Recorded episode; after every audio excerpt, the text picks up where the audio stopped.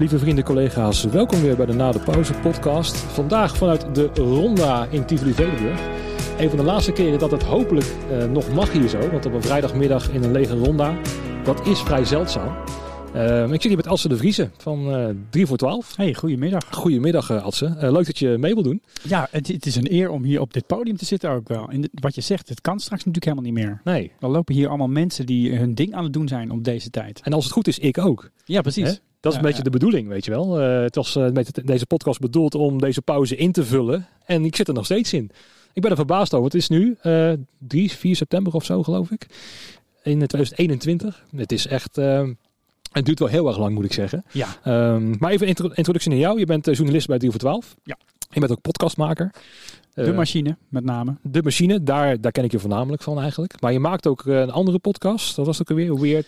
Weird Hit Wonder. Weird ja, Wonder. Een ja. podcast over vreemde hits. Het was eigenlijk ook een beetje een corona-idee. Want ik dacht van ja, we zitten de hele tijd te reporten over dingen die niet doorgaan. En over slecht nieuws. En over, nou, in, zeker aan het begin ging het ook echt nog over een bedreiging voor ons allemaal, voor onze gezondheid. Dat is natuurlijk allemaal weer wat verder van ons afkomen te staan. Het bedreigt voornamelijk de dingen die wij leuk vinden om te doen. En uh, we voelen ons allemaal verder wel persoonlijk, uh, over het algemeen, de meeste mensen voelen zich wel veilig. Ik dacht, we moeten vrolijke verhalen hebben.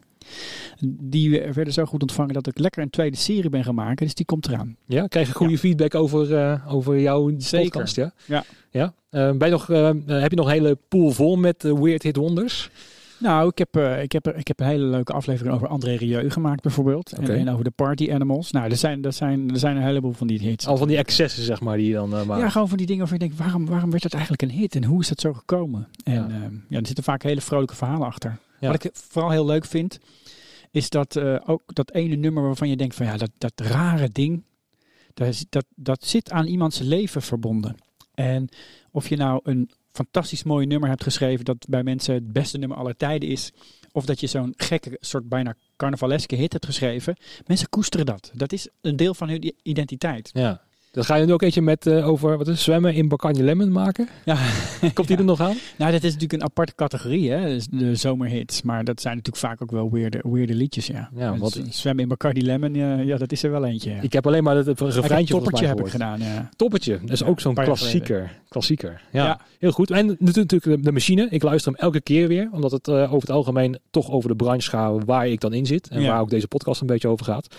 En ik vind het interessant om te kijken en ook te horen wat jullie bevinding is vanuit een journalistkant. Want Ja. is het voor jou een juist interessante tijd geweest, omdat er heel veel gebeurt? Of is het, het is een beetje zo'n zo'n splitsing lijkt mij, Ja, het is natuurlijk heel dubbel. Kijk, eh, ik, ik weet wel dat eh, een jaar geleden, toen het allemaal eh, in volle gang was, toen vroegen mensen aan, aan me van, nou, is het nou, eh, zit jij nou ook in zak en as? En eh, voor mijn werk is het natuurlijk, ik heb het is natuurlijk super jammer dat je niet naar Pinkpop, Lowlands, eh, Down the Rabbit Hole, weet ik, al die toffe festivals, dat je daar niet heen kunt. Dat is de kern van de popcultuur in Nederland. Maar het is voor mij als journalist natuurlijk niet per, per definitie een saai jaar. Eigenlijk in, in tegenstelling. Nee. De journalistiek is er veel meer. Er is veel meer uit te leggen. Ik weet ook nog wel dat aan het begin van die crisis was het dan zo van ja, er kwam misschien een echte lockdown. Hè? Dat is er nooit van gekomen. Maar... En dan kon je een perskaart aanvragen bij de VPRO. En toen dacht ik in eerste instantie van ja, ik, ik- daar ben ik toch ook niet belangrijk genoeg voor. Want eh, hè, dan moet je bij Nieuwsuur werken of zo. Mhm. Eh, maar op een gegeven moment dacht ik van ja, het is wel belangrijk om journalistiek te duiden. Wat er eigenlijk gaande is in die, in die cultuurwereld. Wat er achter, zich, achter de schermen zich afspeelt. En met name ook uit te leggen aan mensen die niet in die wereld zitten.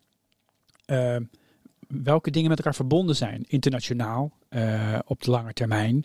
Eh, hoe bijvoorbeeld tours van artiesten in elkaar zitten. En hoe die zich door Europa langs festivals heen bewegen. En dat eh, als in Spanje een groot festival omvalt, dat dat gevolgen kan hebben voor Nederlandse festivals. Ja, dat moet je dus uitleggen. En dat ehm, je merkte ook in alle beslissingen en alles wat het kabinet zei over festivals, dat men zich daar helemaal niet van bewust was hoe die industrie in elkaar zit. Een kroeg die morgen open mag, die bestelt bij wijze van spreken nog snel even wat bier en is open. Ja, zo werkt dat hier niet. Ik, we, hadden het er net al. Je zit hier in de ronda.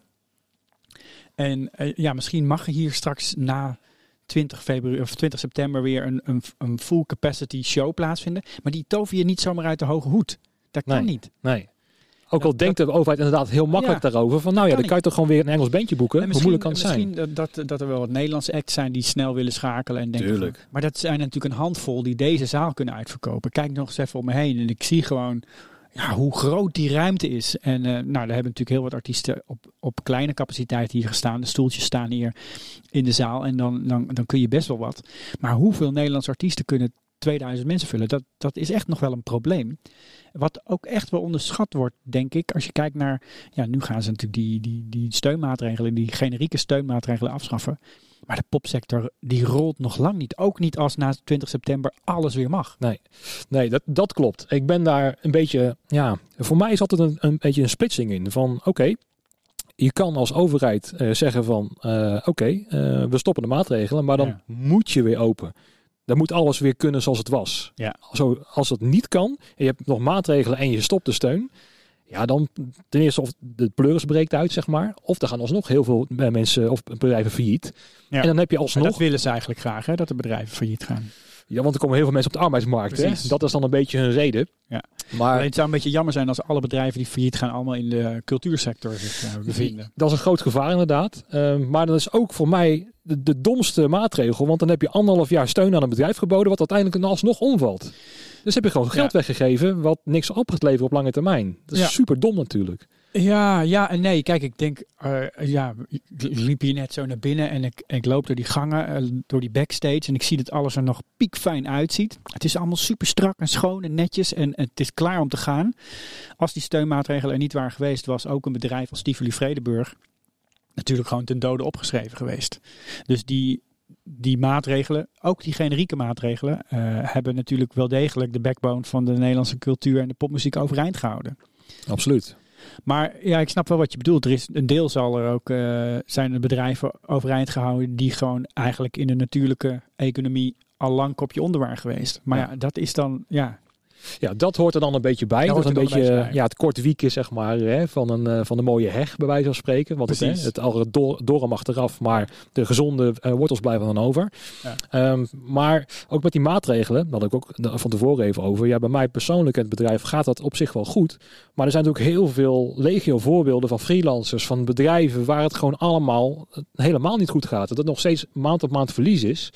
En die nog, ja, die zit echt te springen omdat het weer open gaat. En dat dan, uh, dus het is heel erg wisselend voor welk bedrijf hoe die steunmaatregelen vallen. Nou, het is, het, ik vind het is heel lastig om in te schatten hoe dat nou daadwerkelijk hoe dat probleem eruit ziet. Want ik denk dat je gelijk hebt. Hè, uh, voor jouw bedrijf geldt ook dat je mensen inhuurt op het moment dat je een klus hebt. Hè, die, die, die mensen zet je aan het werk en dat doe je nu niet. Nee. Maar het is voor mij, ik ben echt benieuwd naar die verhalen van mensen.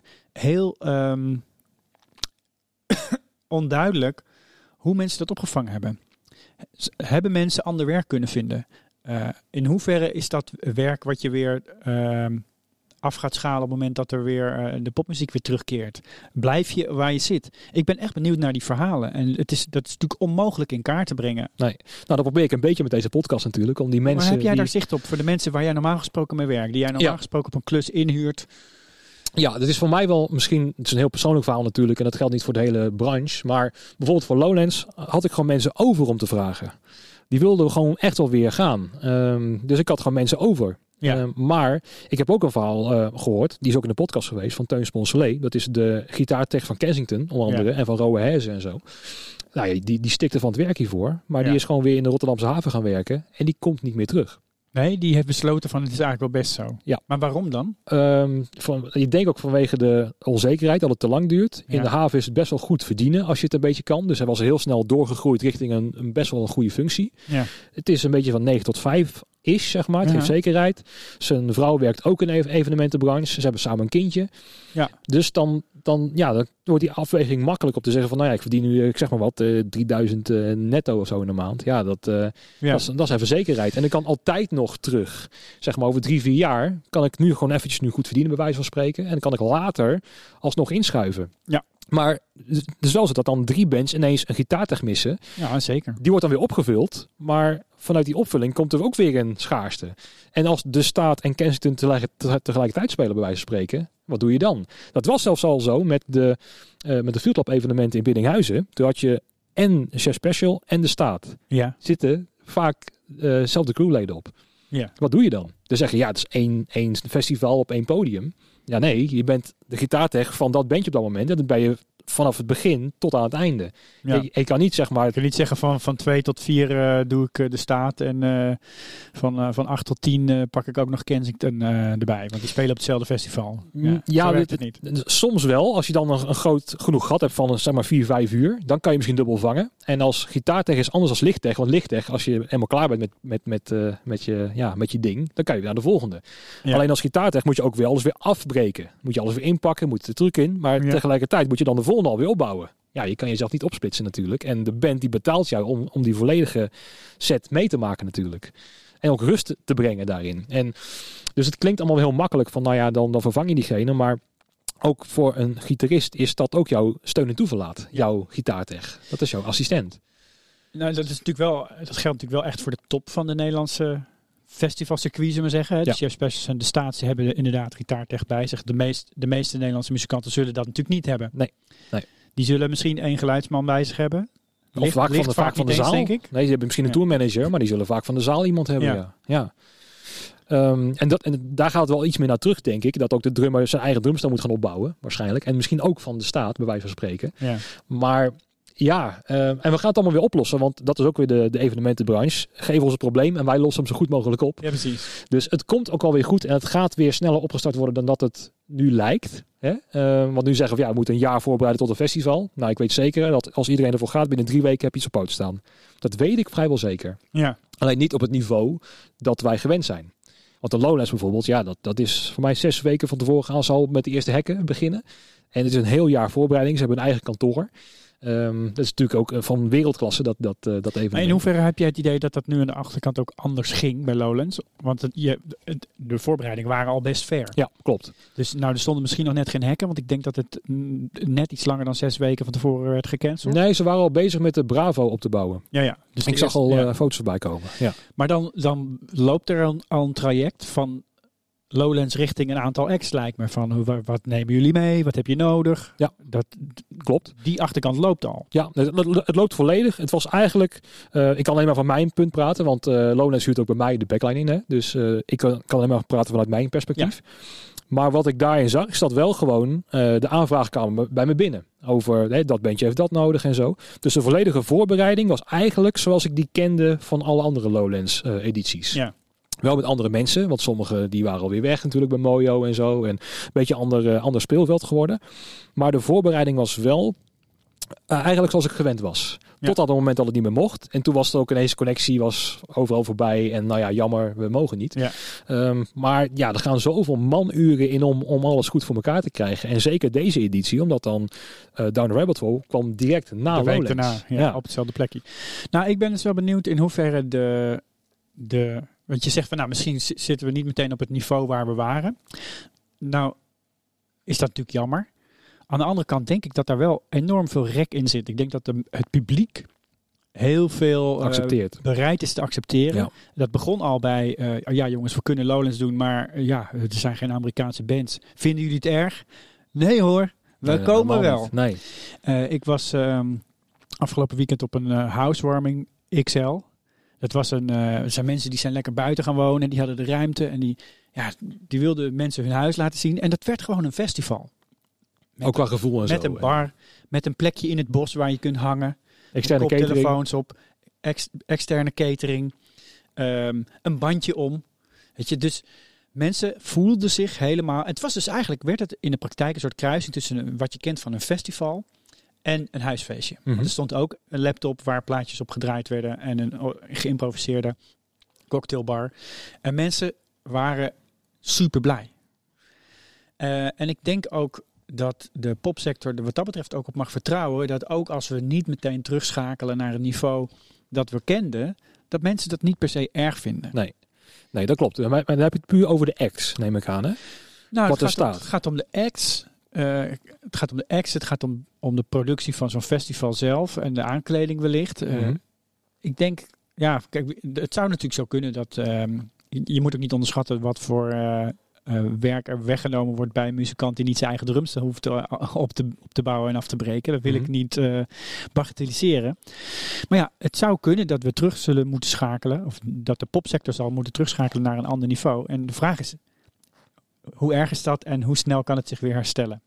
Ja, ik ben op allebei de punten nog steeds heel erg positief. Ja. Eh, want eh, ja, waar een wil is, is een weg. Ik bedoel, eh, ook hoe vaak ik wel niet... Ik ben hier ook als stagehand aan het werk geweest bij Tivoli bijvoorbeeld. Ja. En hoe vaak kwamen er van die kleine problemen en we wisten ze allemaal één voor één af te vinken, weet je wel. We zaten tot in de puntjes aan toe, wisten wij alles op te lossen.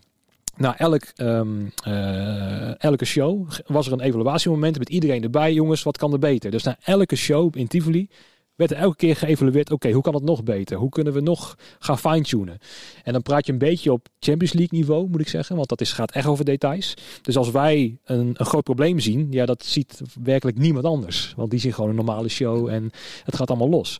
Ehm, en je hebt ook verschillende gradaties natuurlijk in evenementen. Want we hebben het over Lowlands en Rabbit Hole en een beetje Mojo, Best Kept Secret bijvoorbeeld. Dat is echt de top. Mhm. Maar bijvoorbeeld, en probeer ik dan ook niet eh, te, te downgraden naar andere festivals, maar bijvoorbeeld Appelpop, Mhm. dat wordt op, eh, eh, voornamelijk op vrijwilligers gebaseerd. Ja. Die moeten tijd en zin voor hebben, maar, ehm, ehm, dat, maar dat is veel meer los zand Ja. als een Lowlands bijvoorbeeld. Ja. Ja. dat moet gewoon doorgaan bij wijze van spreken. Alleen bijvoorbeeld Appelpop was al relatief snel gecanceld in het seizoen. Dat was voor mij in februari al zo van ja, we gaan niet redden. Ja, Want- terwijl dat zit in september. Die zit in september. Dat is eigenlijk de afsluiting van het seizoen normaal gesproken. Ehm, maar dat is ook weer, de evenementensector wordt over één, zelfs de festival eh, eh, eh, sector wordt dan over één kam geschoren. Terwijl dat ook heel veel gradaties heeft. Ja. Hè? Ehm, en nu wordt ook de nachthoreca er ook bijgenomen door de, door de overheid. Wat natuurlijk helemaal belachelijk is, want het is totaal niet met elkaar te vergelijken. Nee. Je had het ook over in, in de machine al. Ja, wat is Tivoli Vredenburg? Is dat ook nachthoreca? Ja. Dat wordt ook een interessante. Zeker, maar, maar reken maar dat Tivoli Vredenburg geen aanspraak kan maken op de steun voor nachthoreca die nog gaande is. Nee. Maar als je bedenkt wat we, wat, als je kijkt naar de totale begroting van zo'n eh, popzaal. eh, en dan heb- is, is dit natuurlijk nog een veel complexere organisatie dan eh, bijvoorbeeld een Hedon of Een echo. Echo. Waar dat eigenlijk nog belangrijker is, denk ik, procentueel gezien. Maar ook hier is het natuurlijk gewoon, eh, ja, er zijn gewoon. eh, als op, op een goede dag zijn hier meerdere producties per dag in één, in één zaal. Ja. Meerdere keren dat je er meer dan duizend mensen in die zaal duwt. Die Absoluut. allemaal drankjes bestellen. En eh, ja, dat is, natuurlijk, eh, dat is natuurlijk belangrijk. Ja, want hiervoor was het. Ik heb hier meegemaakt. Dan zaten we Amon Amart op te bouwen. Zo'n eh, death metal band. Of in ieder geval Ja. iets in de metal eh, sferen.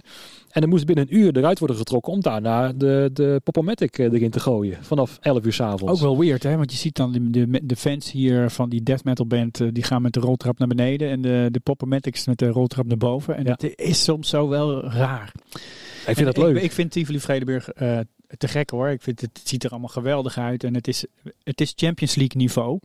En toch mis ik wel soms dat eh, het oude idee dat een zaal ook een karakter van zichzelf mag hebben. Mhm. Want dat is natuurlijk niet zo. Per definitie moet het hier eh, eh, leeggeveegd kunnen worden binnen een uur. En een ander karakter opgehangen worden. En dat de popindustrie internationaal is daar natuurlijk helemaal op ingericht. Iedereen neemt zijn eigen decor mee op dit Ja. podium. En dat kun je optakelen en je bent klaar. Maar de, de oude sfeer, en dat vind ik... eh, we, we dwalen nu een beetje af. Nee, dat geeft niks. Nee, nee, ga lekker door. Dat vind ik het leuke aan clubs. Daar heb je het eh, echt over eh technoclubs, zullen we maar zeggen. Die Mhm. hebben dat vaak wel nog. Bijvoorbeeld Puma of zo, bij wijze van spreken? Of? Ja, de, de Puma is niet helemaal mijn plek. Maar eh, nou, als je de, de echt goede clubs. En dan heb je het natuurlijk over veel van die Berlijnse clubs. Waar heel Oh, veel ja, ja, ja. Europese eh, clubs zich naar modelleren. Hè. Dat, dat zijn dus eigenlijk eh, groepen mensen in feite. Die hun intrek nemen in een pand. Een bestaand pand vaak.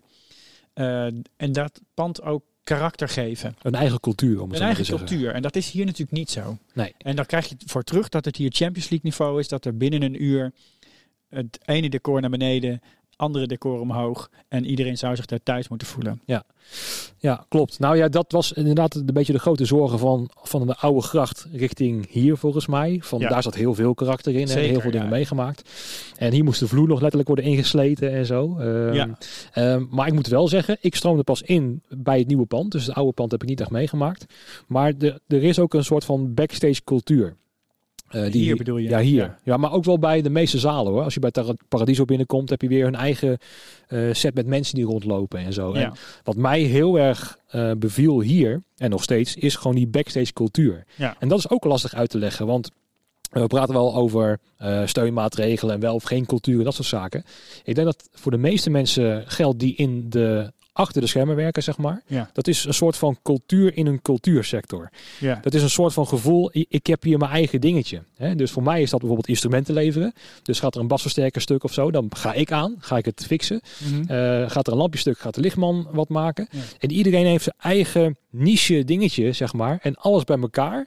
Uh, wordt het één geheel. Zeg maar een, gewoon een mini leger wat hier komt te staan. En we gaan gewoon lekker aan de slag. Ja. Um, en dat wordt ook totaal niet begrepen vanuit Den Haag. En dat kan ook helemaal niet. Omdat we hebben zoveel passie voor het vak in feite.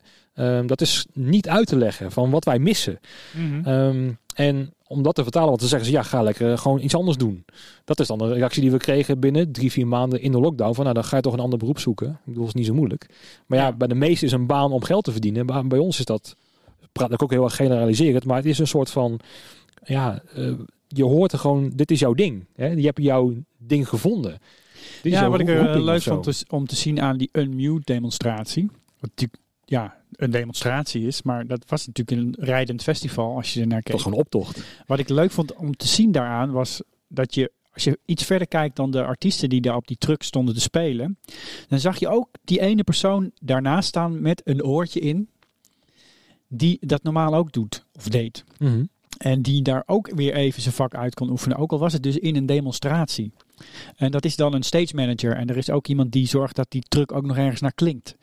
Uh, en, en, nog los van die chauffeur die zorgt dat die, dat die rijdt. Ja. Dat is, daar denk je helemaal niet over na. Dat die ook hoort bij de, bij de crew van dat uh, podium op dat moment.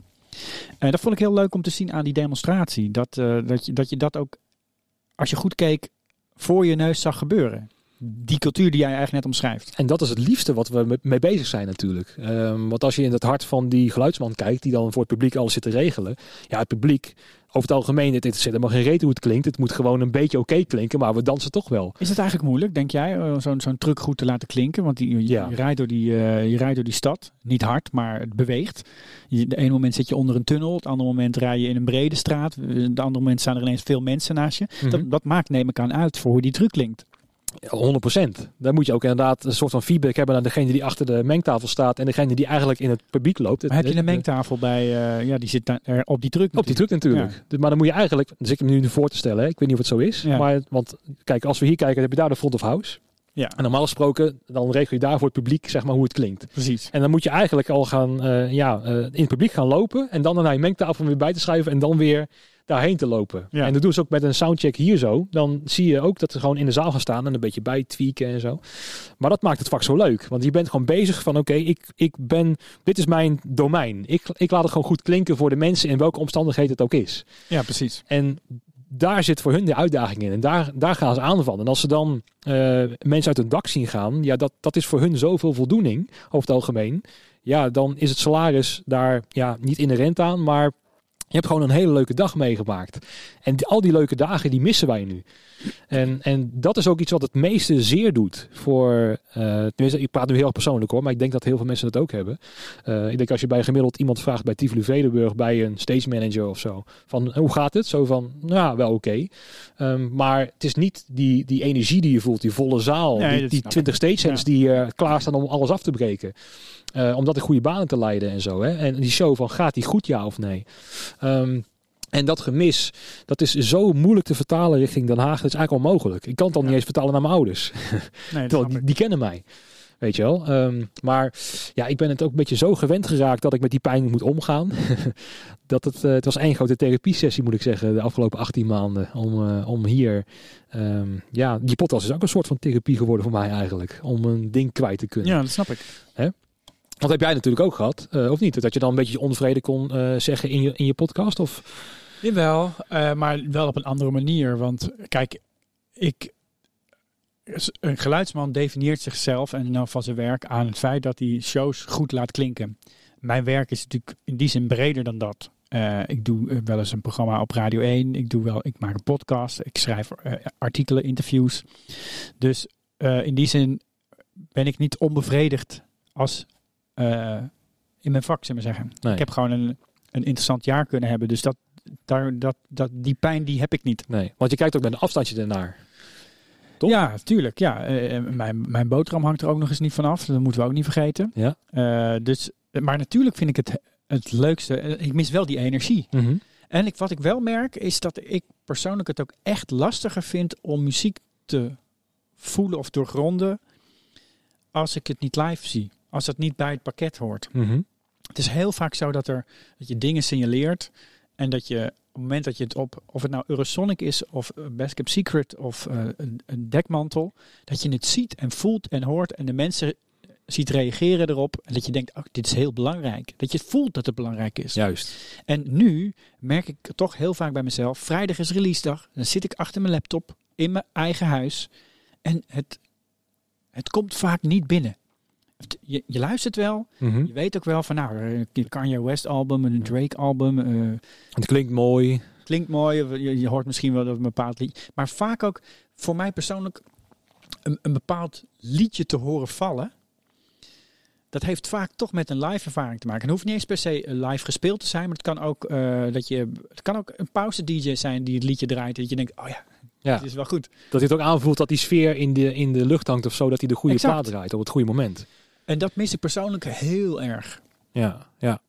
Hoe was het voor jou? Want je bent met de Field Labs ook aanwezig geweest, hè? Ja. Ehm, ook hier in de grote zaal bij het 3FM Awards, volgens mij. Ja, En dat was een van de eh, dingen die wel weer open mocht voor vol publiek, volgens mij, hè? ja. En toen hoorde ik al uit de verslaggeving bij 3 voor 12 eh, van... Ach man, dat hebben we zo gemist. Ja, ik ben een paar keer bij geweest. Ik was in de Ziggo Dome bij André Hazes. En nou is André Hazes junior niet per se mijn artiest. Maar dat maakte op dat moment ook echt totaal niet uit. Hij Nee. deed natuurlijk nummers van zijn pa. Daar ben ik dan weer wel liefhebber van. En hij deed dat nummer. Want hij heeft natuurlijk zelf één klassieker. Leef, alsof het je laatste dag is. Ja. Dat was op dat moment natuurlijk precies het nummer dat Hoe je wilde horen. Ja. Ja. Alsof het je laatste dag is. Leef, pak alles wat je kan. Ja, dat is natuurlijk... ja, wat voelde jij door die zaal heen gaan dan? Ja, eh, eh, een enorme opwinding. En ehm, eh, eh, ook een gevoel van veiligheid. Dat, was natuurlijk, dat is nu misschien alweer anders. Mhm. Omdat je nu weet van oké, ik ben als ik getest ben of als ik gevaccineerd ben, nog steeds niet 100% safe. Maar op dat moment, en dat was op dat moment ook echt zo. Want eh, er zijn eigenlijk geen nauwelijks noemenswaardige besmettingen uit voortgekomen uit die avond. Hetzelfde geldt voor Field Lab in eh, Biddinghuizen. Ja, ik was op die, eh, de, de dance-editie. Oké, ja. Ehm, en ik ben een paar keer. eh, Op een gegeven moment kwam ik vooraan te staan, voor de DJ. Je, je kent dat wel, hè? Twee meter achter het hek. En ik- even de DJ bekijken, luisteren. En toen dacht ik, ik loop nu naar achteren. Mhm. En ik ben naar achteren gelopen en ik, eh, ik heb 16 keer gezegd: Sorry, pardon, mag ik er even langs? En het was heerlijk. Het was zo lekker Ja. dat ik aan de zijkant weer naar voren ben gelopen en nog een keer gedaan heb. En ik heb tegen iemand gezegd: van joh, moet je, moet je even doen. Je moet even, daar, je moet even daar gaan staan. Ja. En dan merk je dus ook dat die, die fysiekheid van de popmuziek heel belangrijk is. Ehm, dat dat erbij hoort. De- de- Het voelen van de muziek, het voelen ook van eh, het, het aanraken van andere mensen die je niet kent. Nee. En waardoor een soort band ontstaat met het publiek. En ik denk ook als je kijkt naar hoe het, hoe het kabinet omgaat met cultuur, dan is dat element Mhm. van de cultuurbeleving wordt helemaal niet begrepen. Want het gaat echt, eh, er is echt een scheiding tussen. eh, sowieso is er een scheiding tussen publiek en makers. Hè, want eh, er, is, er is eigenlijk geen. laten we zo zeggen, festivalbezoekers, dat zijn mensen die gaan een dagje uit. Juist. Die wil alle sores vergeten om zich heen. Die willen vergeten, die gaan misschien een shitfeest aan de drugs of zuipen zich helemaal klem. Dat is wat ze doen. en alles wat er tussenin zit. Maar het idee dat al die mensen bij elkaar zelf bijdragen aan die cultuurbeleving, dat wordt niet eh, erkend. En dat geldt zeker voor een, eh, nachtclub, voor house- en technocultuur. Ehm, samen met andere mensen dansen, eigenlijk iets bijdragen. En de ideale club wil dat ook. Hè. Die wil eigenlijk, daar is het deurbeleid ook vaak op gebaseerd. Jij moet als publiek iets brengen wat past bij die avond. En dat kan een, een queeravond zijn waar ze eh, mensen in leren tuigjes wil- willen zich vrij laten voelen. Het kan ook een, gewoon een doodnormale mensenavond zijn. Maar je wil mensen binnen hebben die iets komen bijdragen aan die, aan die avond. Ja. Het publiek is onderdeel van de cultuurbeleving. Eh, en dat wordt echt onderschat. Het wordt echt gezien als, ehm, als uitje. Of een Eh, schilderij wat en ergens hangt en maakt je ook mag er naar kijken. uit of je, er, ja, of, je, er- of je er nou op een, eh, op een stoeltje naar kijkt of dat je er... Dat maakt heel veel uit. Ja, natuurlijk. Dat is die fysieke ervaring. Ja. En die, die merkt hier bij die Field Lab evenementen heel duidelijk. Dat, dat gevoel van, oh ja. Want je kunt wel thuis naar diezelfde muziek gaan luisteren, maar dat is niet hetzelfde. Het eh, bekende dvd'tje van Hugo de Jonge, hè? het dvd'tje opzetten. Ja, dat is natuurlijk de grootste, schanda de meest schandalige opmerking over cultuur van de afgelopen eh, anderhalf jaar. Maar dan weet je hoe we ervoor staan. Kijk, eigenlijk zijn alle clichés een beetje voorbij gekomen. Als ik er objectief naar probeer te kijken. Bijvoorbeeld dat Chef Special gratis moest optreden voor de Formule 1. Ja, Dat is allemaal samengevat in wat eigenlijk al vanaf het begin dat de muziekindustrie bestaat. Gratis spelen voor exposure. ja. Dat kwam daar weer te samen. Ja. Hè? Gewoon een, een, eh, in feite gewoon een corporate event, om het zo maar te zeggen. De Formule 1. Het is wel een sportevenement, maar Ja. er zitten alleen maar van die bobo's die er veel te veel geld hebben. ja. Eh, en zo van, oh ja, even een bandje. En dan, eh, ja, oh, nou ja, doe niet. Nou ja, dan niet. En dan pakken we de volgende toch. Als Ja. maar herrie uit die boxen komt. Ehm, met dat de din, om het zo maar eventjes te zeggen. Ehm, zo wordt er, dat is eigenlijk een samenvatting zoals ik het elke keer voel. Eh, de, en Den Haag snapt het niet. Ehm, eh, ook het naar een dvd'tje kijken. Terwijl ehm, het, eh, het Songfestival, waar hij zelf ook bij was. Nou, dat was dan wel met vol publiek. Nou, dan voel je ook dat het een heel andere show is dan zonder publiek. Je merkt het al met het Songfestival dat eh, Australië mocht niet optreden vanwege coronagevallen, gevallen, geloof ik. Nou, die traden niet op het podium, maar dan zag je dus een video van tevoren op, opgenomen. IJsland was dat. Ja. Dat was, Australië mocht er volgens mij niet bij zijn omdat ze niet he- mochten reizen. dat was het, ja. Maar die hadden ook inderdaad een Ja. pre-recorded... eh, ja. Maar dan merk je toch tijdens die show, ik weet niet of je het gezien hebt, het Songfestival, ja, ja, dan merk je toch dat het niet live is. Die- zeker. Die vibe is er niet. Terwijl ook dat kan je voelen vanaf, vanaf dat je op de bank zit of zo. Ja. Dat voel je. Ja, en, en, die, die mensen in die zaal zijn onderdeel van de beleving van het Songfestival. Dat is natuurlijk leuk, inzoomen op die mensen met die vlaggen en de smink en de gekkigheid. De, Mhm. dat, dat is waardoor, dat is de belangrijkste reden dat het cult geworden is, is niet wat er op het podium gebeurde, maar wat er in de zaal gebeurde. Dat je dacht, oh ja, ik zie mezelf daar ook ineens wel staan. Ja. En je ziet het ook bijvoorbeeld waar Hugo de Jonge wel zelf naartoe gaat, is Feyenoord. Ja. ja, die beleving, blijven zitten, twee derde geplaceerd en gewoon kijken en gewoon even opstaan en even klappen als er gescoord wordt door Feyenoord en dan weer is zitten. meer Ajax, hè? Is dat zo, ja? Ja, joh. Als je- naar de arena gaat, dan zit je 9 van de 10 keer zitten mensen leggen, en moeten even hun broodje opzij leggen omdat er een doelpunt valt.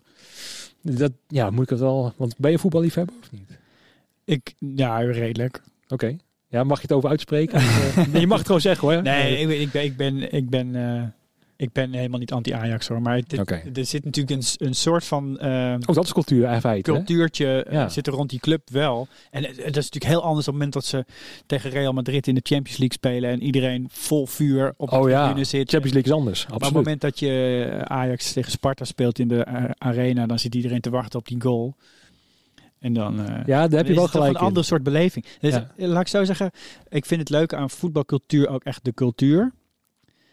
En je, ik vind, dus, dat zijn van die mensen die maken daar een sport van om naar, ehm, naar voetbalwedstrijden te gaan in het buitenland. En dan, en dan eigenlijk liever niet naar Real Madrid, Mhm. maar naar de derby in Ierland, waar eh, de protestanten tegen de katholieken spelen, weet ik veel wat. Gewoon Ja. iets waarvan je weet, hier komen ze met het mes Ja. tussen de tanden, het veld op, Dit kan clashen. in een fantastisch mooi 100 jaar oud stadion, Eh, de derby van Berlijn, eh, dat je dat soort... Dat Ik- soort wedstrijden. Ik, Ja. Als ik eh, vrijgezel en kinderloos en weet ik wat was, zou dat denk ik mijn hobby worden. Nou, die, die, man zit tegenover je eigenlijk. Ja, doe je dat? Ja, ja ik eh, ben zelf naar eh, Atletico Madrid tegen Real Madrid geweest. Ja. En dat was de laatste wedstrijd in Vicente Calderon. Het, Ja. het oude stadion zeg maar, van ze. Het was niet de allerlaatste, bleek later. Maar ehm, ik wilde dat voelen. Ik Ja, wilde die haat van Ronaldo hè, bij Atletico wilde ik gewoon voelen daar Ja, zo. Dus ja. ik betaal 122 euro voor een kaartje en ik vlieg erheen. Maar het is gewoon een once in a lifetime event in feite.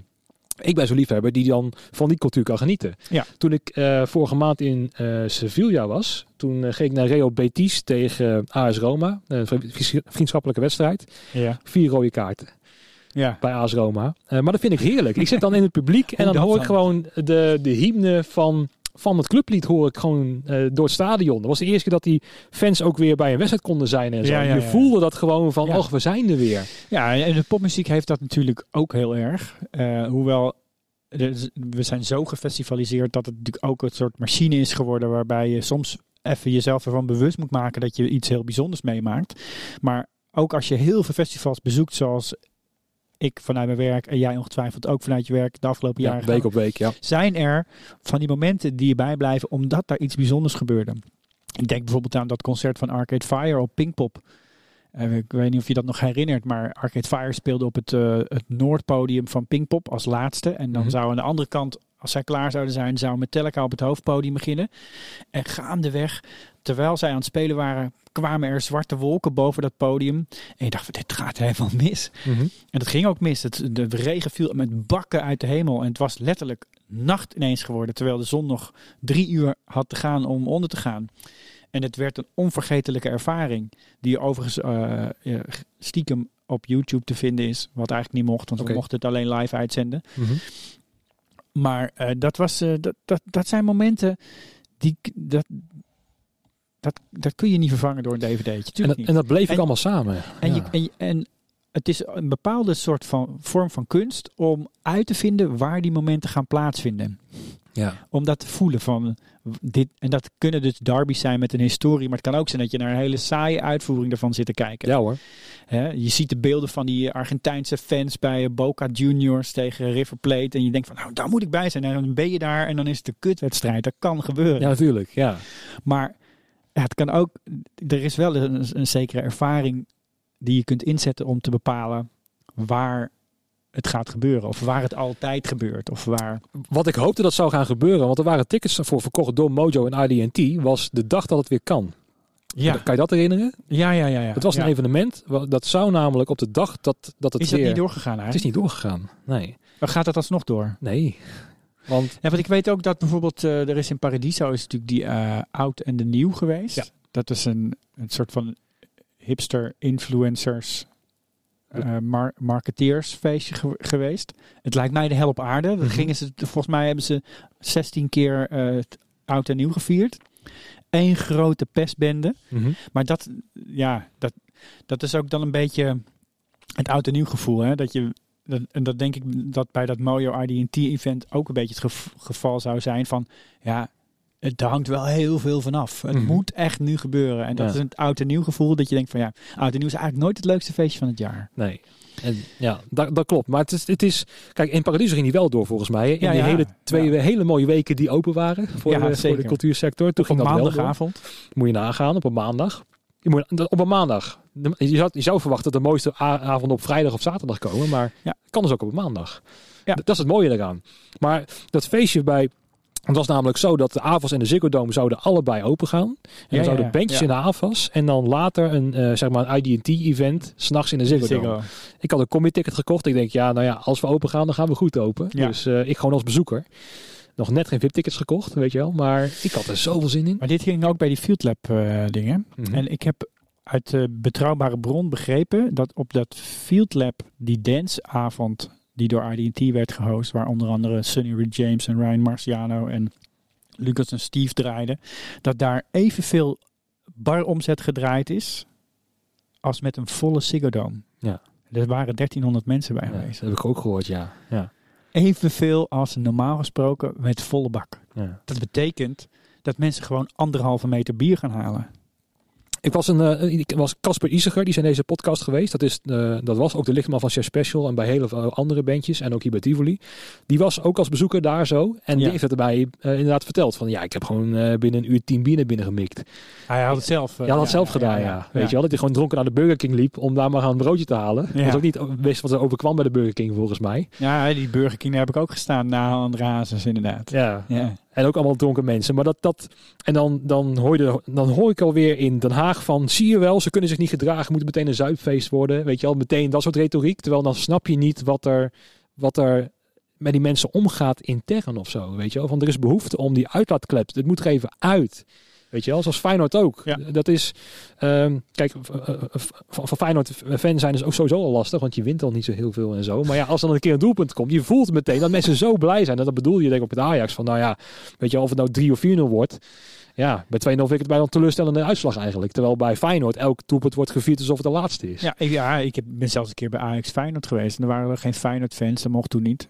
Dat mag geloof ik nou weer wel, maar dat weet ik eigenlijk niet. Maar daar, eh, ik dacht van, ah, de klassieker, weet je wel. Zelfs daar voelde je dat niet. Nee. Nee, dat heeft toch met een beetje die arrogantie te maken van, van eh, Amsterdam inderdaad. ja. Ja. Ik Ah, moet, ja, ik moet het- zeggen, het, ik, werd, het werd ook 2-0, dus ze hadden gelijk. Ze konden rustig gaan zitten en wachten tot die goals vielen. Ja, ja. Ehm, maar dat, en dat wordt denk ik ook nooit begrepen. Omdat eh Den Haag draait vooral om regeltjes. Om zeg maar dingen te handhaven en zo. En oh, het, om dat te zeggen, twee derde gepasseerd en zitten en gewoon kijken naar een wedstrijd. Ja, dan snap je helemaal niets van de cultuur. Maar ik snap op papier, kan je uitleggen naar het buitenland. Kijk eens, wij hebben deze regels voor de stadions. Kan je makkelijk uitleggen. Ehm, maar je merkt aan alles in de maatregelen dat eh, eh, Mark Rutte is er nooit een keertje dronken geweest met een biertje. Ja, misschien een keer bij de toppers is hij een keer geweest volgens mij. Ah, Maar... Gewoon de jongen wel, toch? Nee, maar wat ik Ja. ook leuk vind, ik vind die, die, die staantribunes vind ik een leuk voorbeeld. Want eh, wat ik begreep, hoe dat nu zit bij... ik zag een foto van het Heerenveenstadion.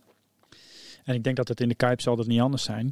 En bij het FC Utrecht stadion hebben ze nu ook weer een eh, staantribune. Dat is op verzoek. Nou, eigenlijk is het heel simpel. Die Bunnik-site, de harde kerntribune van, ehm, van Utrecht, daar stond iedereen al jaren Mhm. naast zijn stoel, op zijn stoel, in de gangpaden. Niemand zat daar. Dus wat doe je op een gegeven moment? Ja, dan ga je er iets op verzinnen.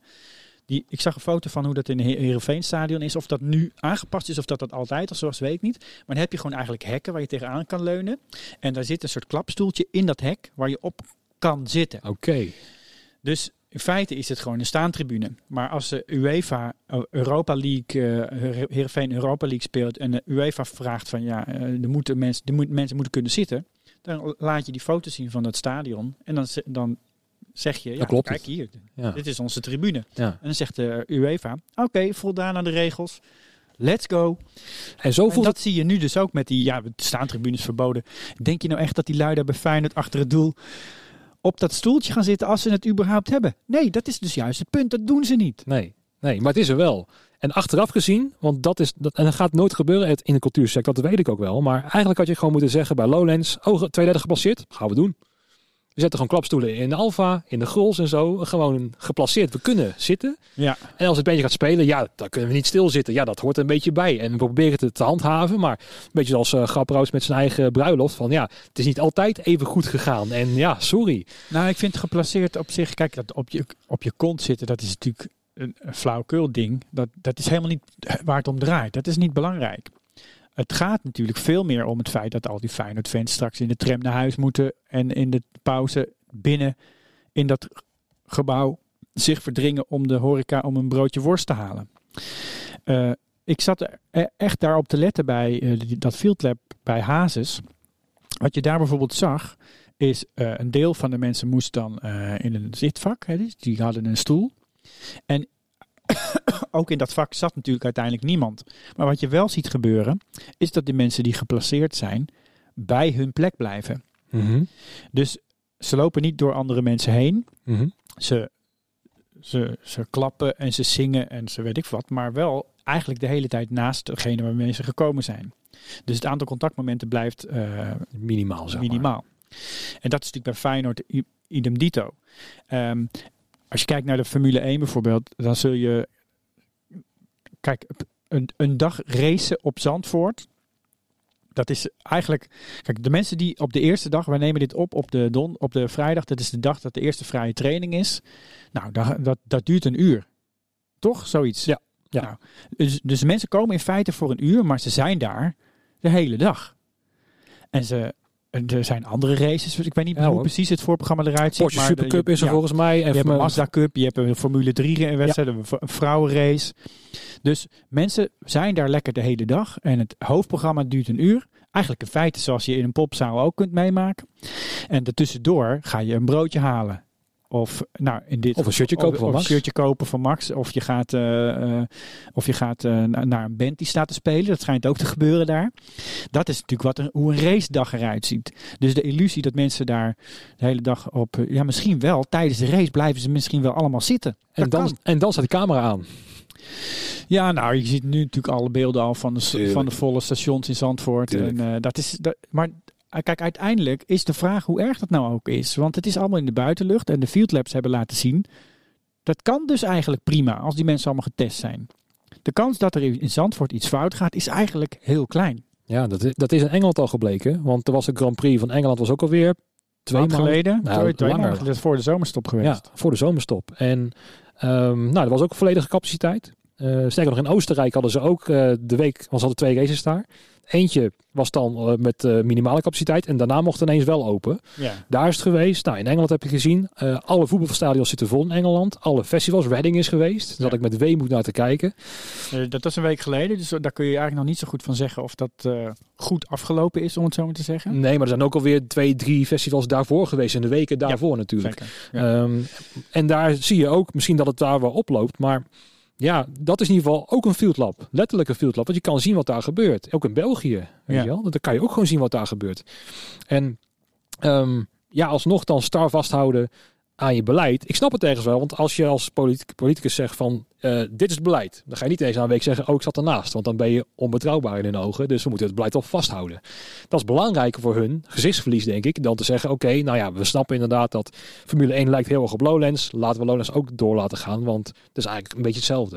Dat Ja. kan je niet meer terugdraaien. Als je eenmaal in een paniekstand hebt gestaan in twee weken dat het ineens open ging. Ineens van, oh, we verbieden het. Mhm. Om uit die kramp te raken, politiek gezien. ja, Dat, ja, dat kan niet. nee. Vanuit hun perspectief niet. Hè? Vanuit ons denken van, hallo, eh, kom op. Denk een beetje na. Maar Nee, en ik, ik denk ook dat de, de, de reactie op bijvoorbeeld, eh, je, je ziet natuurlijk die opmerkingen vanuit de cultuursector van hé, maar die camping dan. En eh, zie je dat bij Feyenoord niet dat die. De, eigenlijk bedoelen de mensen uit de evenementensector van de, van de popsector helemaal niet van Feyenoord moet verboden worden. nee, Of zie je, het kan. zie je, dit, dit is niks anders dan wat wij doen. Dit is niks anders dan wat wij doen. En de reactie van het kabinet is dan zeggen: ja, we gaan de KNVB erop aanspreken en de voetbalclubs moeten beter zorgen dat de mensen op hun kont blijven zitten. Het gaat niet om de mensen die op hun kont blijven zitten. Nee, Daar gaat Nee. het niet om. nee. Maar dan zie je alweer, dat willen ze niet terugdraaien, want dan worden ze ongeloofwaardig. Dus dan moeten we maar een beetje eromheen gaan lullen. Van oké, we gaan een onderzoek eh, starten en we gaan kijken of we dat beter kunnen doen in de toekomst. Maar we gaan er even op induiken. Nou, dan verandert geen reet, dat weet je ook wel. En daarom, nogmaals, denk ik, met terugwerkende kracht, je had gewoon eens moeten zeggen, weet je wel, er zetten gewoon 30.000 stoelen neer. Er wordt in ieder geval gebruik van gemaakt, maar ze staan er. Ja. En we doen het gewoon. Alleen we zijn zo braaf eigenlijk altijd. En dat doen we ook goed hoor. Om gewoon te luisteren naar wat er wel, eh, wat er, wat er wel kan en zo. Maar je ziet ook, als je braaf op je, op je stoel blijft zitten, dan gebeurt er niks. Maar dat is wel interessant dat je zegt het is braaf. Eh, Dat is absoluut waar. Eh, Van alle plekken waar ik in de afgelopen jaar eh, geweest ben, is er geen plek waar de coronaregels zo goed gehandhaafd worden als in de popsector. Ik was van van de zomer op vakantie in Italië, waar tijdens mijn vakantie de Green Pass werd ingesteld.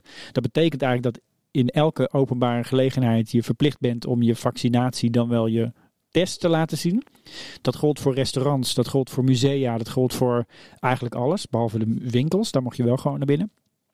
En de enige plek waar echt werd gecontroleerd, waar echt iedere bezoeker gescand werd, was een museum. De cultuursector doet Mhm. dat. En dat heeft natuurlijk te maken met het feit dat we dat die sector al jarenlang natuurlijk gedwongen wordt om zich aan allerlei regels te houden en daar zich helemaal op ingesteld dan wel gecommitteerd aan heeft. Oké, willen jullie dat? We bewijzen het wel dat het kan. Met trots dat we laten zien van kijk, Met een zekere trots ook. Ja. Ja, ja, je, je kunt dat. Je, je, hebt het onder controle. En er zullen, zullen ook genoeg eh, tentenbouwers en podiumbouwers zijn geweest die eh, hele mooie prikstraten hebben gebouwd de afgelopen tijd. Die weten hoe je dat moet regelen. Maar dat, dat levert wel op, en dat is eigenlijk waar we het aan het begin eh, ook al even over hadden. Dat je dezelfde situatie krijgt die je ook in de podia ziet. Dat het allemaal zo strak en professioneel is. Dat het dus ook weer braaf wordt. ja, en dat, je, dat, je, dat ze juist daarmee om de oren kunnen slaan. Want er kunnen kijken, er zijn zoveel besmettingen in jouw branche. Ja. Terwijl ehm, als je gaat vliegen... Geen enkel beeld van hoeveel besmettingen er in de horeca zijn geweest de afgelopen in, in de supermarkt is er nog nooit een controle geweest. Nee. Ehm, want ben je ook gevlogen naar Italië of niet? Nee, nee met de auto. Oké. Dus eigen vervoer. Ja. Nou, ik was wel gevlogen naar Sevilla. En ik, natuurlijk, ik praat maar over mijn ding. Maar ehm, op de terugweg werd er niks gecontroleerd. Ja, er werd bij Ryanair gekeken van oké, laat je uh, coronapaspoort zien. Druk even op het uh, info-dingetje dat we kunnen laten zien hè, wat je, uh, wanneer je gevaccineerd bent en dat soort zaken. Je moest een formulier invullen zoals je op het terras zit, weet je wel, van ja, geen klachten. Dus je moest niet alleen je, je, je QR-code, dat zou genoeg moeten zijn, toch? Ja, maar die scannen ze niet eens. Nee. Maar dat, dat is wat je zegt, is wel waar. Er is, je kunt nooit zeggen, er zijn bij Albert Heijn in de afgelopen week 7000 besmettingen geweest. Er wordt niet gemeten. Of, of, of, of, of zijn het er 10 geweest? We weten het niet. We hebben er geen enkel idee van. Maar we waren wel duizend mensen in de week van Verknipt, zeg ik even expres heel omslachtig, van het Verknipt Festival hier in Utrecht, zijn die ergens besmet geraakt. En die worden allemaal op het konto van Verknipt geschreven. En daarmee op het konto van de hele festivalindustrie. En daarmee is het einde verhaal geworden. Ja, en um, ook het verhaal dat dan in die week of in het weekend waren er 240.000 tests vonden de plaats om weer open te gaan. ja, als je vijf keer zoveel tests krijgt, ook vijf keer zoveel resultaat is mijn ja, dat is domme logica. Maar en dat wordt niet bij verteld. Maar waar we het juist goed meten, het is alsof we in ons eigen voet schieten. Lijkt het wel een beetje op. Om te laten zien van kijk eens, uh, zoveel mensen, zoveel besmettingen, zoveel dit, zoveel dat. Maar dat vind ik wel interessant aan die unmute weer, die, die demonstratie. Er heeft niemand na afloop gevraagd: Goh, hoeveel mensen zijn er nou eigenlijk besmet geraakt hè, tijdens die unmute demonstratie? Want we zagen allemaal mensen dansen, meezingen, klappen. Die hielden geen anderhalve meter afstand, hadden geen mondkapje op. Hoeveel mensen zijn er nou besmet geraakt? Ja. Zeg het maar. Ja. Weet je hoe dat komt? Omdat Af Afghanistan veel meer het nieuws is. Er zijn veel andere problemen nu. Want eerst nou, natuurlijk corona het grootste probleem wat er is. Ja, dus gaan maar je kunt het ook niet herleiden, want je kunt niet eens weten hoeveel mensen er waren. Nee. Nee, je hebt helemaal niks. Je hebt geen testen voor toegang, je hebt niets. Je hebt niks. Nee. Dus, maar ik denk dat er ook niet per se noemenswaardige, in elk geval niet bovengemiddeld ten opzichte van uh, de normale uh, bezigheden die mensen in hun leven doen, nee. hebben plaatsgevonden tijdens een mute. Het was buiten. Uh, ja, mensen hielden niet genoeg afstand. Maar hoe groot is de kans dat je in de buitenlucht. In de ja, buitenlucht. Gaan we weer. Als volledig gevaccineerd persoon. Want dat zijn de meeste mensen die daar achter die trucks gelopen hebben. Natuurlijk ook inmiddels. D daar ga je wel is wel interessant. Want dat is eigenlijk het eerste. Unmute was eigenlijk het eerste. Een beetje stoute wat de ja, niet muziekindustrie deed. Het mocht niet dit. Ja, nou we zeiden wel anderhalve De demonstratie mocht wel. Ja. Hè, maar, maar volgens de regels dat anderhalve het een meter feestje, Dat het een feestje werd, was natuurlijk niet de, niet de bedoeling. Nee, ik weet, ook niet, ik weet ook niet in hoeverre daar uh, de organisatie daarop aangesproken is, of dat er over gesproken is, of dat iedereen eigenlijk zo gedacht heeft van nou, laat maar. Ja, en achteraf dacht ik, want ik heb ook meegelopen natuurlijk. Hè? Ja. Um, want ik liep ook niet op anderhalve meter, dat gaat natuurlijk niet. Ik zat mensen te interviewen. Um, ja, ik, het, het, mag inderdaad niet, maar het, het, gebeurde spontaan, want die cultuur die kwam weer op, hè, zoals we het over hadden. Voelden eigenlijk weer een beetje van, hey, uh, nou hè, hè. Voelde echt, ja. Ja, en dat was heel fijn. Um, alleen het toonde voor mij ook aan, want dat had ik met iemand met, op Facebook notabene nog over. Het laat alleen maar zien, elke keer weer in een vliegtuig, of het nou uh, in een stadion is of bij een festival, die anderhalve meter is gewoon niet te doen. Die zag het bij Grapperhaus met zijn eigen bruiloft. Het is gewoon niet te doen. En die realiteit, dat is, dat, dat is gewoon waar we het eigenlijk over moeten hebben. Dat het gewoon, ja, met grote groepen gaat het gewoon niet. Um, en dat mis je. We kijken alleen maar van, oh, geen anderhalve meter afstand. Boete. Hè, dat, dat, maar dat, de hele discussie moet anders worden. In plaats van die angst zitten van, oké, we hebben een regel ingesteld en dan moeten we ons heel strak aan gaan houden. Want nou, je ziet overal dat als het een klein beetje druk wordt, in de Tweede Kamer zelf gebeurt het al niet eens. Hmm. Weet je wel. Um, maar ja, over, over uh, uh, uh, een mute gesproken. We gaan weer daar naartoe. Hè? 11 september is dat. Ja. En ik hoop, want ik, ik voel dat er veel meer vanuit mezelf komt van... oké, okay, nu moet iedereen gewoon even nog meer meedoen. En ook mensen om me heen bijvoorbeeld. Hè, die zitten echt aan te spreken van loop mee. Want het is zo belangrijk. Maar heb je het dan over professionals? Nee, echt gewoon vrienden en zo. Vrienden, ik, ja. ja. ik spreek ook vrienden. Ja, ik mensen spreek die consument zijn in deze schitterende wereld. Ja, ik zit al zelfs in mijn hoofd van, uh, als je nu niet meeloopt, vraag me dan nooit meer om een vrijkaartje of voor wat dan ook, zeg maar. Je moet nu gewoon ook meedoen. Uh, want we deden inderdaad, uh, voornamelijk vanuit de sector zelf deden we mee. Vanuit protest, hè. En wel een aantal bezoekers, maar het was heel erg wel intern de branche, had ik het idee. Had jij dat niet? Of? Uh, ja, nou, ik, ik vond het juist wel opvallend om te zien dat er ook echt wel publiek bij liep. Mm -hmm. Dat er mensen waren die ik ken uit de, uit de, de popcultuur. Mensen die naar feestjes gaan of naar festivals gaan. En die dachten van nou, we lopen gewoon mee. Ja. Ja. ja ik- En, en ook dat mensen het echt als een feestje hebben beschouwd. Ja. Is ook wel logisch natuurlijk als je daar een truc neerzet en Ja. we gaan, eh, gaan dansen. Maar Ja. nee, ik zit nu echt wel mensen om me heen op te roepen. Bijna mijn ouders ook. Van, doe het dan voor mij in ieder geval. Hè. We moeten gewoon met zoveel mensen nu eventjes het punt maken. Want het vorige punt, weet je wel. Om het eventjes op een, eh, eh, op een eh, om te zeggen van... eh, we, can't hear you. Moet er nog een keertje juichen. Ehm, eh, moeten het- dat statement echt nog groter maken. Want is mijn gevoel. Is dat jouw gevoel ook? Of denk je dat het allemaal een beetje ja, een wassen neus effect heeft? Van nou ja... Nou, kijk. ik, tot nu toe heeft het niet veel effect gehad, dat is duidelijk. Eh, ik, ik heb vandaag even aan de telefoon gehangen met Jasper Goosen van Apenkooi, die eh, eigenlijk een beetje het centrale aanspreekpunt geworden is. Die is aanwezig geweest bij een gesprek met de ministers. De drie ministers, volgens mij zijn dat Blok, Engelshoven en Grapperhaus en misschien nog één. Ik dacht dat de jongen er ook bij was. Dat zou las ik. Ja, eh, en ja, dan wordt er gezegd eigenlijk van ja, we, we hebben jullie gehoord, we nemen dit en dit mee in de besprekingen van het OMT eh 14 september. Ja, u hoort nog van ons. U hoort nog van ons. En er wordt eigenlijk niet echt een bevredigend antwoord gegeven op de vragen. En ik vond, eh, kijk, ik vind bijvoorbeeld het statement van we 1 september kunnen we open, moet gewoon. Dat is, een, dat is er eentje waar je over kunt discussiëren op het moment dat je weer met z'n allen naar code rood gaat in Nederland. Aan de andere kant denk ik van ja, dat, ik snap dat wel dat er gewoon kaart gezegd wordt. Nou, dit is nu gewoon, leggen dit gewoon op tafel. Maar ik denk dat ehm, het belangrijkste punt waar ik me in kan vinden en waar het kabinet kennelijk in die gesprekken van deze week ook weer niet echt afdoende antwoord op geeft, is hoe, waarom doen jullie niks met de adviezen die jullie zelf hebben verzameld in de vorm van Field Lab? Ja. En zeggen ze ja, de- er is een Delta variant, die was er toen nog niet. Ehm, en Jasper die zei vandaag tegen mij van ja, maar eh, kijk, in feite maakt dat niet zo gek veel uit. Want we hebben gekeken in hoeverre. Kijk, de, de Field Lab resultaten zijn in feite zo opgebouwd. Ze hebben gekeken, dit is de situatie. En dat kan zijn een, een club, een, een nachtclub. Het kan zijn een grote eh, zaal à la Ziggo Dome. Het kan zijn een evenement buiten. In hoeverre is dit evenement onveiliger dan thuis op de bank zitten met je vrienden? Mhm. En dan gaat het over eh, een afstand kunnen houden. Dan gaat het over, eh, eh, wordt er gezongen? En wat, wat heeft dat voor effect? Het Wordt gaat er over ventilatie. Het gaat ook over bijvoorbeeld de Ziggo Dome. Is natuurlijk, nou, dat is hier ook in Ronda. Dat is een hartstikke hoge zaal. Er is heel veel luchtvolume boven het publiek. Dat heeft effect op de, eh, Aerosolen. op de aerosolen. Ja. En, en welk effect heeft dat dan precies? En, en welk effect heeft de, de ventilatieinstelling die hier, hier hangt? Het zou kunnen zijn, en dat, dat is eigenlijk wel wat, wat blijkt uit die, eh, uit die Field Lab resultaten, dat een avond hier met 2000 mensen in de ronda veiliger is dan een huisfeestje waarbij je met z'n twintigen in een woonkamer staat.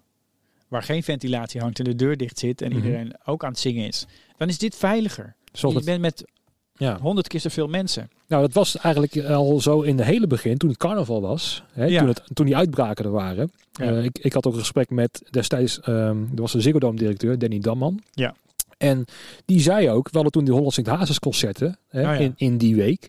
En ja, natuurlijk, je hebt daar niet kunnen meten en zo. Maar er is geen één bezoeker die terugkwam met eh, zo van, oh, ik ben bij jouw eh, eh, concert ben ik besmet geraakt. Ik Nee. wil mijn geld terug. Nee. Want die heb je altijd, dat soort mensen ertussen zitten. Nee. Maar je hebt dus, dan zag je het grote verschil tussen wat er in Brabant gebeurde met een uitbraak en een volle Ziggo Dome met Holland Sint Hazes. Met dus waarschijnlijk veel betere ventilatie, eh, afvoer van de aerosolen en zo. Daar zag je het ook al een klein beetje. Want daar waren niet echt noemenswaardige uitbraken, zover ik kon zien en wat hij, hij zag tegen mij, weet je wel. Ja. Ehm, dus dan zie je ook wat verschil. Ik heb al vaker in deze podcast gezegd, je hebt eigenlijk gewoon per zaal moet je een soort van keurmerk maken, A tot met F, weet je wel. Eh, Zo Mhm. van, oké, nou, eh, dit is koelkast, ja. nou, dit is klasse B bijvoorbeeld. Nou, als ze dus in een pandemie zitten, dit is dan klasse B, dan hoort dan zoveel capaciteit bij, want dat is nog veilig. Nou, een echo is eh, G, ik zeg maar wat, omdat het dan niet kan. Hè? Lager. Hypothetisch, hè? ik zeg Ja. maar wat. Maar Ziggo Dome kan A zijn. Nou, dan weet je, oké, nou we gaan naar dit dit scenario, dan weten we, ehm, eh, op deze schaal moeten we dat allemaal gaan indelen.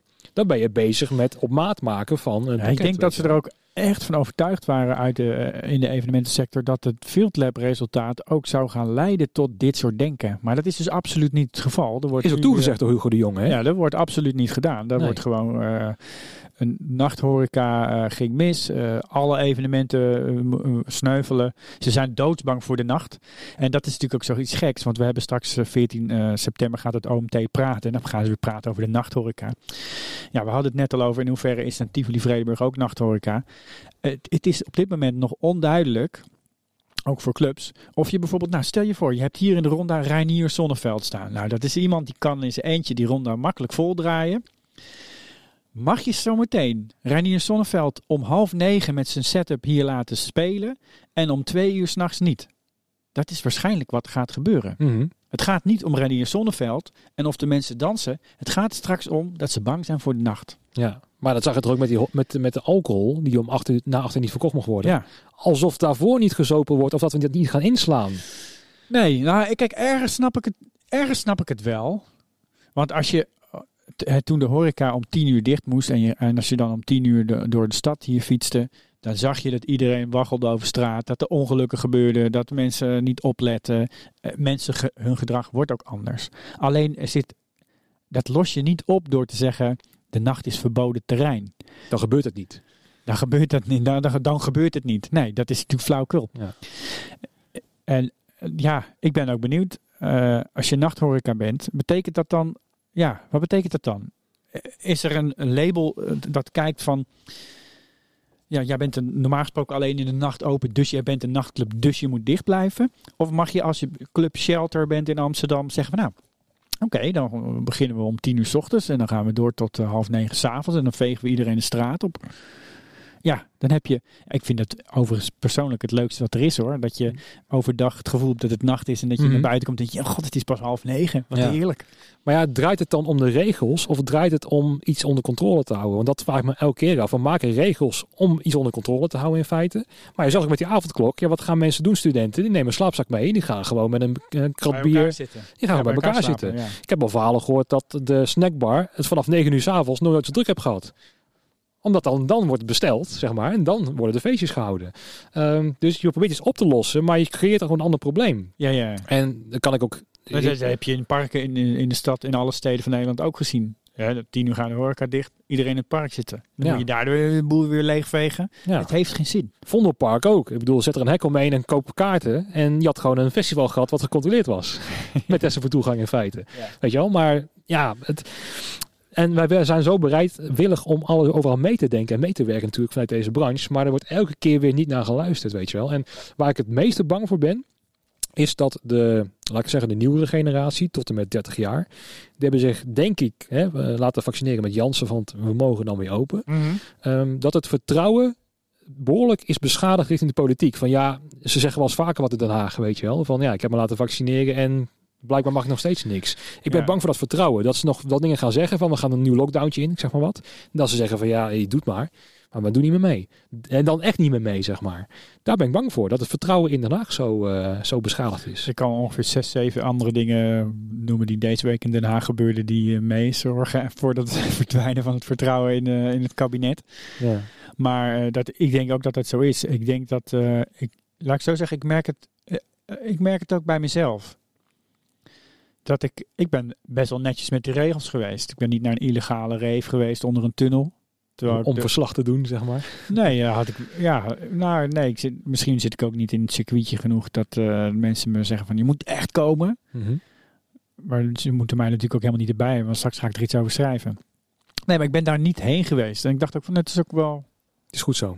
het is prima, het komt wel weer. En ik ben ook, ik ben wel naar een paar van die eh, eh, anderhalve meter shows geweest, maar ook niet te veel, want ik merk dat ik, het gewoon, dat ik er gewoon toch een beetje verdrietig van word. Maar ik merk wel dat ik nu, ik, ik, ik heb bijvoorbeeld geen enkel bezwaar als mensen zeggen, nou weet je wat, mag je geen festival in Nederland? Ik ga er nu naar, eh, ik koop een kaartje voor extreme outdoor in België. Dat is helemaal legaal. Maar het is in feite wel natuurlijk eh, gek ten opzichte van de regels in Nederland. Ja. Ja, daar heb ik echt geen enkele moeite mee. En ik merk ook dat ik, wat ik net al zei, eh, als je dan een feestje hebt met vrienden en waar mensen echt proberen het zo goed mogelijk te doen, Mensen, bijna iedereen is gevaccineerd. Andere mensen doen even een testje. Dat voelt nu als gewoon oké om te doen. Als jij met je hele studentenhuis gevaccineerd bent. eh, en, en, en misschien doe je zelfs ook nog een zelftestje erbij als je, als je het echt even extra goed wil doen. Ja, op een gegeven moment dan, dan is het logisch dat mensen dat zo gaan doen, toch? Want dat wordt dat elke keer toch ook voorgeschoteld. Je moet je laten testen. Dat was ook hè, testen, je testen, testen, je moet je testen. laten vaccineren. Nou, oké, Ja. we hebben alles gedaan. Hebben we gedaan. en top. dan mag het nog steeds niet. En dan gaan mensen voor eigen rechter spelen. Van nou ja, nu, nu geloof ik het wel. Nu ga ik gewoon dingen doen. Ik vraag me ook af. En natuurlijk gaat dat nooit gebeuren. Maar stel nou deze ronde. Je denkt van volgende week. Met die unmute. We gaan hem gewoon volgooien. We doen het gewoon. Met testen voor toegang wel gewoon officieel. Hè? Dus gewoon wel laten zien met een app en zo. En dat we gewoon laten zien. Het kan wel. Kijk eens. We gaan het gewoon doen. En we kunnen het gewoon doen. Daar zijn we te braaf voor. Dat weet ik. Ja, Maar misschien moet je het gewoon een keertje doen. Gewoon, gewoon laten zien van, nou ja, als jullie er niet geen vertrouwen in hebben, dan laten we zien dat het te vertrouwen is. Uh-huh. ja, dat is wel een, eh, prikkelende. Ja, dat gaat natuurlijk Tivoli niet doen, omdat het ook zwaar gesubsidieerd wordt door de overheid. Ja, en dan, ja, precies. Dus dat is ook vaak de crux eraan. Hè? Ik vroeg me ook af of, of ehm Tivoli mee zou doen met een mute. Want ja, je wordt en gesteund door diezelfde overheid die je zeg maar eh, nu ook eh, stilhoudt in feite. Dus het is een beetje dubbel, hè? want dan zouden ze kunnen zeggen van nou, dan vervalt je... Ja, ik, weet- ik kan me niet herinneren dat er een Tivoli Vredenburg truc was. Weet jij dat? Mm, die was er niet, maar ze hebben wel opgeroepen via Facebook om mee te doen. En er staan nu wel op eh, de buitenkant, waar normaal gesproken de, de agenda hangt hè, van Tivoli, hangt nu heel groot unmute 11 september. Oh ja. Dus dat hangt er nu wel. zich daar wel aan. Ja, dat wel. Ehm, want ik vroeg me wel af inderdaad, van gaan die wel meedoen? Ja. Ehm, maar ja, we zijn dan ook wel een beetje bang voor gezichtsverlies of zo. Weet je wel? Van ja, probeer alles netjes te houden. En als wij dan ineens eh, zo ongehoorzaam zijn, hè, dan krijg je misschien ook een stempel van zie je wel, het is niet te vertrouwen die evenementenbranche. Want ze gaan toch hun eigen gang of zo. Mhm. Dus ik denk ook dat mensen veel meer met de beeldvorming bezig zijn. Van nou ja, ik doe hè, alsof ik wel gewoon. eh, dat zie je ook heel vaak gebeuren. Hè. Nou ja, politici zelf eh, trouwen, dan, dan gelden de regels ineens niet meer. Maar ehm, Maar, maar wat zou er nou gebeuren? Ik, vind, ik wil even die, Mhm. bij die stelling die je net neemt. Wat zou er gebeuren? En misschien is een mute 11 september dan nog te vroeg. Maar stel, eh, 1 oktober. nee, maar even naar het volgende Mhm. punt. We hebben weer een punt aan de horizon waarvan we zeggen, nou eigenlijk willen we dan van die anderhalve meter af. Maar we weten nog steeds niet wat er dan zometeen mag hier in de Tivoli Ronda. Hè? Eh, Straks na, Geen 20, idee. na 20 september mag je dan weer een full capacity show. Zonder maatregelen. Moeten mensen testen? We weten het niet. Maar stel dat er nu toch gezegd wordt, ja we durven toch niet aan. We gaan niet eh, evenementen, gaan we toch nog even niet aan beginnen. Anderhalve meter mag wel. Op straat, eh, in de bioscoop mag het loslaten, anderhalve meter loslaten. Alleen popconcerten, dat gaan we niet doen. Dat is eigenlijk het enige wat er dan nog overblijft wat je niet mag. Stadions zitten weer vol. Winkels hoeven niet meer te controleren. Nergens is nog anderhalve meter, behalve in die popzaal. Dat zou het moment moeten zijn, of kunnen zijn, waarop mensen zeggen, ja, dag, Mhm. steek die anderhalve meter maar in je, in je reet. Ja, Ik ben wel benieuwd wat er... eh, wat er gaat gebeuren dan. Ja. Nou, en het zal denk ik vanuit het publiek moeten komen. Voor, voornamelijk ook. Want ehm, ehm, als die er klaar mee zijn, dan krijg je de hele massa mee van. Ik had ook bedacht van, het zal je doet Lowlands wel. En ehm, ja, wat gaan, willen ze gaan doen met 1200 boa's het eh, allemaal schoon gaan vegen? Weet je wel, we zijn wel heel erg groot. Ehm, maar inderdaad, doe het maar gewoon een keer, weet je.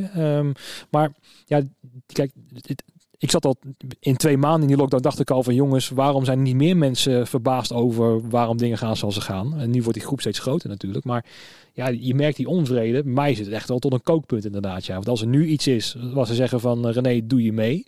Hè? Ehm, qua bijvoorbeeld zo'n zo'n zo'n festival organiseren in Tivoli of zo. Ja, 100%. Ik ga erin mee. ja, ja. Weet je wel. En ik denk dat het bij meerdere mensen ook geldt. Maar ja, welke rand wordt ben jij, ben jij, als je kijkt naar het traject van eh, vanaf eh, februari, maart vorig jaar tot aan nu, hoe- heeft zich dat bij jou ontwikkeld ten opzichte van meegaan in de beslissingen die het kabinet, eh, de maatregelen die het kabinet afkondigde? Heeft dat zich ontwikkeld bij jou? Dat je het eerst bijvoorbeeld heel eh, mee eens was, of juist altijd heel erg gevolgd hebt, of hoe? Nou, ehm, ik ben ook. Ik, ik heb een beetje autistische trekjes af en toe. ik ben niet de enige denk ik in deze branche. Maar dus in de eerste twee weken was ik daar heel streng in. Nou, ik ben vrijgezel. Maar toen was het ook, je mag geen contact met anderen hebben. Hè? Ja, dus je ook- hebt echt in je eentje thuis gezeten. Echt alleen maar thuis gezeten. En ook hè, boodschappen alleen voor de essentiële dingen. Dus nou oké, dan hield ik me heel streng daaraan. Onder andere, nou, mijn vader een schoonmaakbedrijf, dus had ik niet zoveel moeite mee om aan wc-papier te komen. Maar Ehm, ik hield me wel daar streng aan, maar ik ging ook heel veel informatie opzoeken van oké, hoe zit het dan? Waar komt het dan vandaan en zo? Ik begon er zelfs een boek over te schrijven van oké, wat kunnen we leren van deze crisis? Dus ik ging me heel erg verdiepen in, in diverse zaken. En dat ben ik ook blijven doen. En ja, nu wordt het als wappie omschreven, zeg maar. Hè, van, Ben je een wappie? Mm, nou ja, ik ben sowieso niet van de labels, moet ik zeggen. En, eh, ehm, maar ik, ik, ik praat eigenlijk als een ongevaccineerde, maar ik ben gevaccineerd. Zo zeg ik het eigenlijk.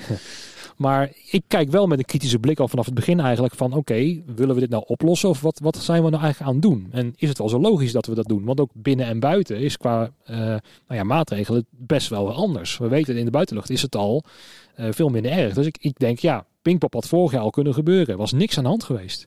Weet je wel, zeker met die besmettingsgraad die laag was. En ik ben altijd een beetje kritisch geweest, maar ik ben nooit opstandig geweest. Ik heb altijd respect gehad, anderhalve meter, geen handen schudden en dat soort zaken. Ehm, en dat doe ik nu nog steeds. Ik wilde ook de hand schudden beneden, weet je wel. Want ik ben nu al wel zover van, Ja. nou ja, hallo. eh, ik Ik, ben nog zo braaf dat ik dat dan toch niet doe. Vanuit. Hè? Maar ik vind, vind ik een kleine moeite om dat niet te doen. Ik mis dat niet. Nee, dat klopt, klopt, klopt. En dan kan ik ook een punt van maken van, hallo, hè, we, we zijn weer... eh, Ja. Maar dat doe ik ook niet, want ik kijk naar wie er voor me is en probeer ik gewoon respect voor te hebben. Bijvoorbeeld eh, mijn chef op de zaak, die is nog heel voorzichtig. Daar ga ik met respect mee om. Ook al ehm, hij is van mening, ja, eh, je moet gevaccineerd zijn, want dan ben je veilig. Terwijl er komt een stagiaire, die is niet gevaccineerd. En daar ben ik het eigenlijk wel mee eens en vind ik het niet erg. Alleen hij zegt, ja, dan moet je wel van mij afstand nemen. Terwijl ik dan denk, ja, maar je kan het ook als je gevaccineerd bent, kan je het krijgen en overdragen. Dus waar ben je nou bang voor? Maar ik vind het op zich, kijk, wat je, we hebben het nou, je zegt van ik, ik, praat, ik ben gevaccineerd, maar ik praat als een wappie. Ik, ik vind, uiteindelijk is dat woord wappie natuurlijk zo eh, lelijk. Ja, En als jij, te- als jij het woord verdiepen zegt, mezelf verdiept, dan, dan is dat al besmet als het ware. Terwijl dat is Mhm. natuurlijk flauwekul. Je moet jezelf verdiepen. Je moet en, je hebt je verdiept in field lab reports. Je hebt gekeken naar wat er in het nieuws te vinden is over festivals in Engeland of eh, België. Wat zijn daar voor resultaten? Wat voor onderzoeken zijn er gedaan? Dat, dat is natuurlijk eh, eh, jezelf verdiepen. En dat moet ook gewoon. Dat moet ook Ja. gewoon. ehm, je moet ook natuurlijk getekend door je eigen perspectief als iemand die in deze branche werkt. Maar waarom zou je dat niet moeten doen? En waarom zou je dan meteen een wappie zijn? Ik vind dat dus niet. Nee. En er zit Maar- ook een groot verschil in. Kijk, ehm, je hebt je emotie, zeg maar, en je kan eh, je relativeringsvermogen in feite. Ja. En de meeste mensen zitten dus in die emotie. Hè, en dat zijn dan de klassieke wappies, om het zo maar, als je het al moet Uh-huh, noemen. Maar uh-huh. die reageren vooral uit een emotie. Weet je al, zo van, er klopt iets niet en hè, alles wat ze op een pad vinden wat niet klopt, zie je wel, het klopt niet. Ja. Ik probeer nog wel echt objectief te blijven en ehm, ehm, te, mijn e- emotie te scheiden van wat ik, hè, wat, wat die, die proberen die bril ervan af te halen, is lastig, weet ik, want ik zit midden in die materie natuurlijk. Mhm. Maar ik probeer wel zo optiek objectief mogelijk te blijven, eh, te blijven. En ik wil meewerken naar dingen die werken. Heel graag zelfs, want Ja. dat is ook wat we hier doen in feite. Hè. We gaan Ja. oplossingsgericht kijken. Ja, ik denk dat je ook best wel analytisch ernaar kan kijken. We merkten ook aan het begin van de um, crisis, eh, was dat meer mijn houding. Dat je denkt van oké, maar als dit gebeurt in Italië, dan gebeurt dat zo, en dan gaat het zo. En als dan dat gebeurt, dan gaat dit omvallen. Dat je echt eh, die, die, die manier van kijken, eigenlijk meer feitelijk van oké. eh, ik weet nog wel dat we bijvoorbeeld toen testen voor toegang in het eerste weekend dat het losging, helemaal misging dat ik daar een kritisch stuk over schreef van deze zes dingen moeten echt anders, anders dan werkt het niet. Mhm. Dan zijn er echt mensen die je dan via Facebook of weet ik wat een berichtje sturen en zeggen, ja, jullie zijn toch aan de kant van de evenementen? Nee, we staan niet aan de kant. Ik wil natuurlijk dit evenement doorgaan. Maar analytisch kijken naar hoe een systeem functioneert en of de bescherming, hè, je weet dit en dit en dit over het virus. Dit en dit, en dit zijn de maatregelen die je doet. Wat gebeurt als je die maatregelen niet goed toepast? Waar zitten de gaten in het systeem? Nou, als, als je daar op zo'n manier naar kijkt, kun je gewoon eigenlijk voorspellen wat er gaat gebeuren. En dat gebeurde ook. Mhm. Het werd niet verbeterd. Eh, er ontstonden brandhaarden. Eh, en twee weken later is de boel Dicht. dicht. Ja. Dus dat is gewoon, dat is niet, dat heeft niks met wappie te maken. Dat heeft Nee. te maken met kijken, dit weten we over het virus. Dit is het systeem dat we erop loslaten. Dat systeem klopt hier en daar en daar en daarom niet. Mhm. Daarom gaat het mis. En omdat dat systeem niet klopte, konden die field lab dingen de prullenbak in. Want dat is wat er gebeurde. Er was gewoon een grote fuck-up vanuit het kabinet. Ze hebben een systeem, een testen voor toegangssysteem losgelaten wat er nog niet klaar voor was. Totaal in elkaar gestort is. En daardoor konden al die maanden van werk, waarin zorgvuldig Als is gekeken. is. wat kunnen we onder deze omstandigheden, welke randvoorwaarden. Dat, dat, dat kun je gewoon met analytisch kijken naar hoe het systeem gefunctioneerd en gefaald heeft. Mhm. Kun je dat gewoon analyseren. Want wat je zegt inderdaad, dat jij kritiek daarop kreeg, hè, van sta je aan onze kant, om het zo maar te zeggen. Die emotie voel ik natuurlijk ook. Hè? Zo van, ja hallo, mogen we, zijn we eindelijk open? Wees blij man, weet je wel. Dat, die emotie zit dan in je. Ehm, dus ik kan ook wel goed begrijpen dat Ja, mensen wel, zo... hè, ehm, Ja. Maar alleen mensen die gaan ook naar handelen, zeg maar. Die kunnen dat niet loszien van, oké, nou misschien zitten er wel een aantal goede punten in eigenlijk, van eh, wat hij schrijft. Want ik voelde, wat, wat, wat ik al zei, ook een beetje zo van, ja, wees dan blij man, weet je wel. En ja, het gaat niet goed bij het café in Enschede, weet je wel. Of die, eh, die discotheek, Ja, ja, hoe, hoe fucking cares, weet Ja, je wel. ja. Mojo doet het wel goed. Weet je, die gaan gewoon wel, bij wijze van spreken, met je ticket samen met, je coronacheck app gewoon allebei scannen. En die vragen in welke eh, geboorte ehm, eh, maand hè, je bent geboren. En dan mag je naar binnen. Dat is hoe het hoort eigenlijk. Ja, ja, ja. Hè? Ehm, maar je zag al, daar was het al via achter ingangetjes naar binnen en zo. En geeft ook eens ongelijk, want we mogen eindelijk een keer open. Ja, Hè, ja, is ook zo van, ja, het is wel eh, twintig mensen omzet die binnenkomen via de achterdeur. Ja. Zo denken ze dan, weet je wel. Ehm, Dus je kan ze ook niet echt kwalijk denken. nemen of zo. Nou, en ook de nee, jongeren ook wel. niet. Het is korte termijn denken en het is eh, onverantwoordelijk naar je, naar je hele sector. Dat klopt. Als je er echt objectief naar kijkt. Maar ik, ik kan me dat voorstellen. Je denkt van je anderhalf jaar stilgezeten. Nou pak ik mijn moment eventjes. Ja. Nu is het gewoon even mijn tijd. En dat je het inderdaad op korte termijn dan verpest op de langere termijn. Ja, ook voor jezelf. Ja, ja, absoluut. Ja, maar ik kan het wel, ik kan het wel snappen. Ja. Ik ga hem afronden. We zitten al ruim over een uur. eh. Gezellig. Ja, het gaat hard. Ja. Ja. Ik ga je de laatste vraag stellen. Oh jee. Wat ehm, ga jij samen met corona niet missen van de evenementensector, van de evenementenbranche, van de festivals? Wacht even, wat ga je samen... Je bedoelt wat ik hoop dat nooit meer terugkeert. Ja, wat was al iets wat je een beetje irriteerde al toen het nog goed ging, zeg maar in de tijd? Van nou, dat mag ook al wegblijven. Ehm, het, eh, het opportunisme waarmee alles groots uitgerold werd. Ik, ik ben wel tot de conclusie gekomen dat ik kleinere dingen toch vaak leuker vind. En, eh, en er zijn heel veel evenementen die gewoon neergekwakt werden. En die hoeven voor mij niet per se eh, terug te keren. Hoewel ik die ondernemers hun brood wil gunnen, gaat het niet om. Maar ehm, ja, ik hoop dat, ehm, dat, het, dat, dat, dat deel van de business, dat, dat, is, dat is niet zo fijn. Daar zitten ook heel veel, eh, er zitten ook heel veel van die clausules bij met eh, exclusiviteit en dat soort flauwekul. Dat, ik, ik hou heel erg van mensen die vanuit een persoonlijke muzikale visie iets moois proberen neer te zetten. En dat, hè, zo'n draaimolenfestival in Tilburg bijvoorbeeld. Dat vind ik, dat, dat zijn de fijnste plekken om te zijn. Het leukste vind ik ook wel dat Draaimolen zometeen als allerenigste festival van het hele jaar, nou ja, gewoon bijna het enige, Mhm. ook gewoon doorgaat voor 750 bezoekers. En iedereen moet zijn telefoon afplakken. Je mag geen fo- foto's en filmpjes maken. En iedereen moet voor drie uur 's middags binnen zijn. En we gaan daar een paar bijzondere dagen van maken, is het idee. Oké. Klinkt een beetje als zo'n eh, backstage Beyoncé eh, party of zo. Ja. Dat ook eh, alles moet inleveren.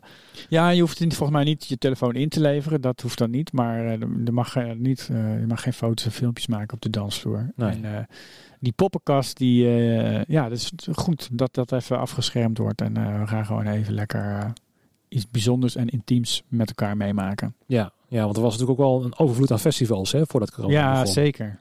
Dat was echt veel, ook wel misschien te veel inderdaad, ja. Ja, ja. Dat vind ik een mooi antwoord. Dankjewel voor je tijd. graag gedaan. En eh, ik ga met alle plezier eh, naar de machine weer luisteren.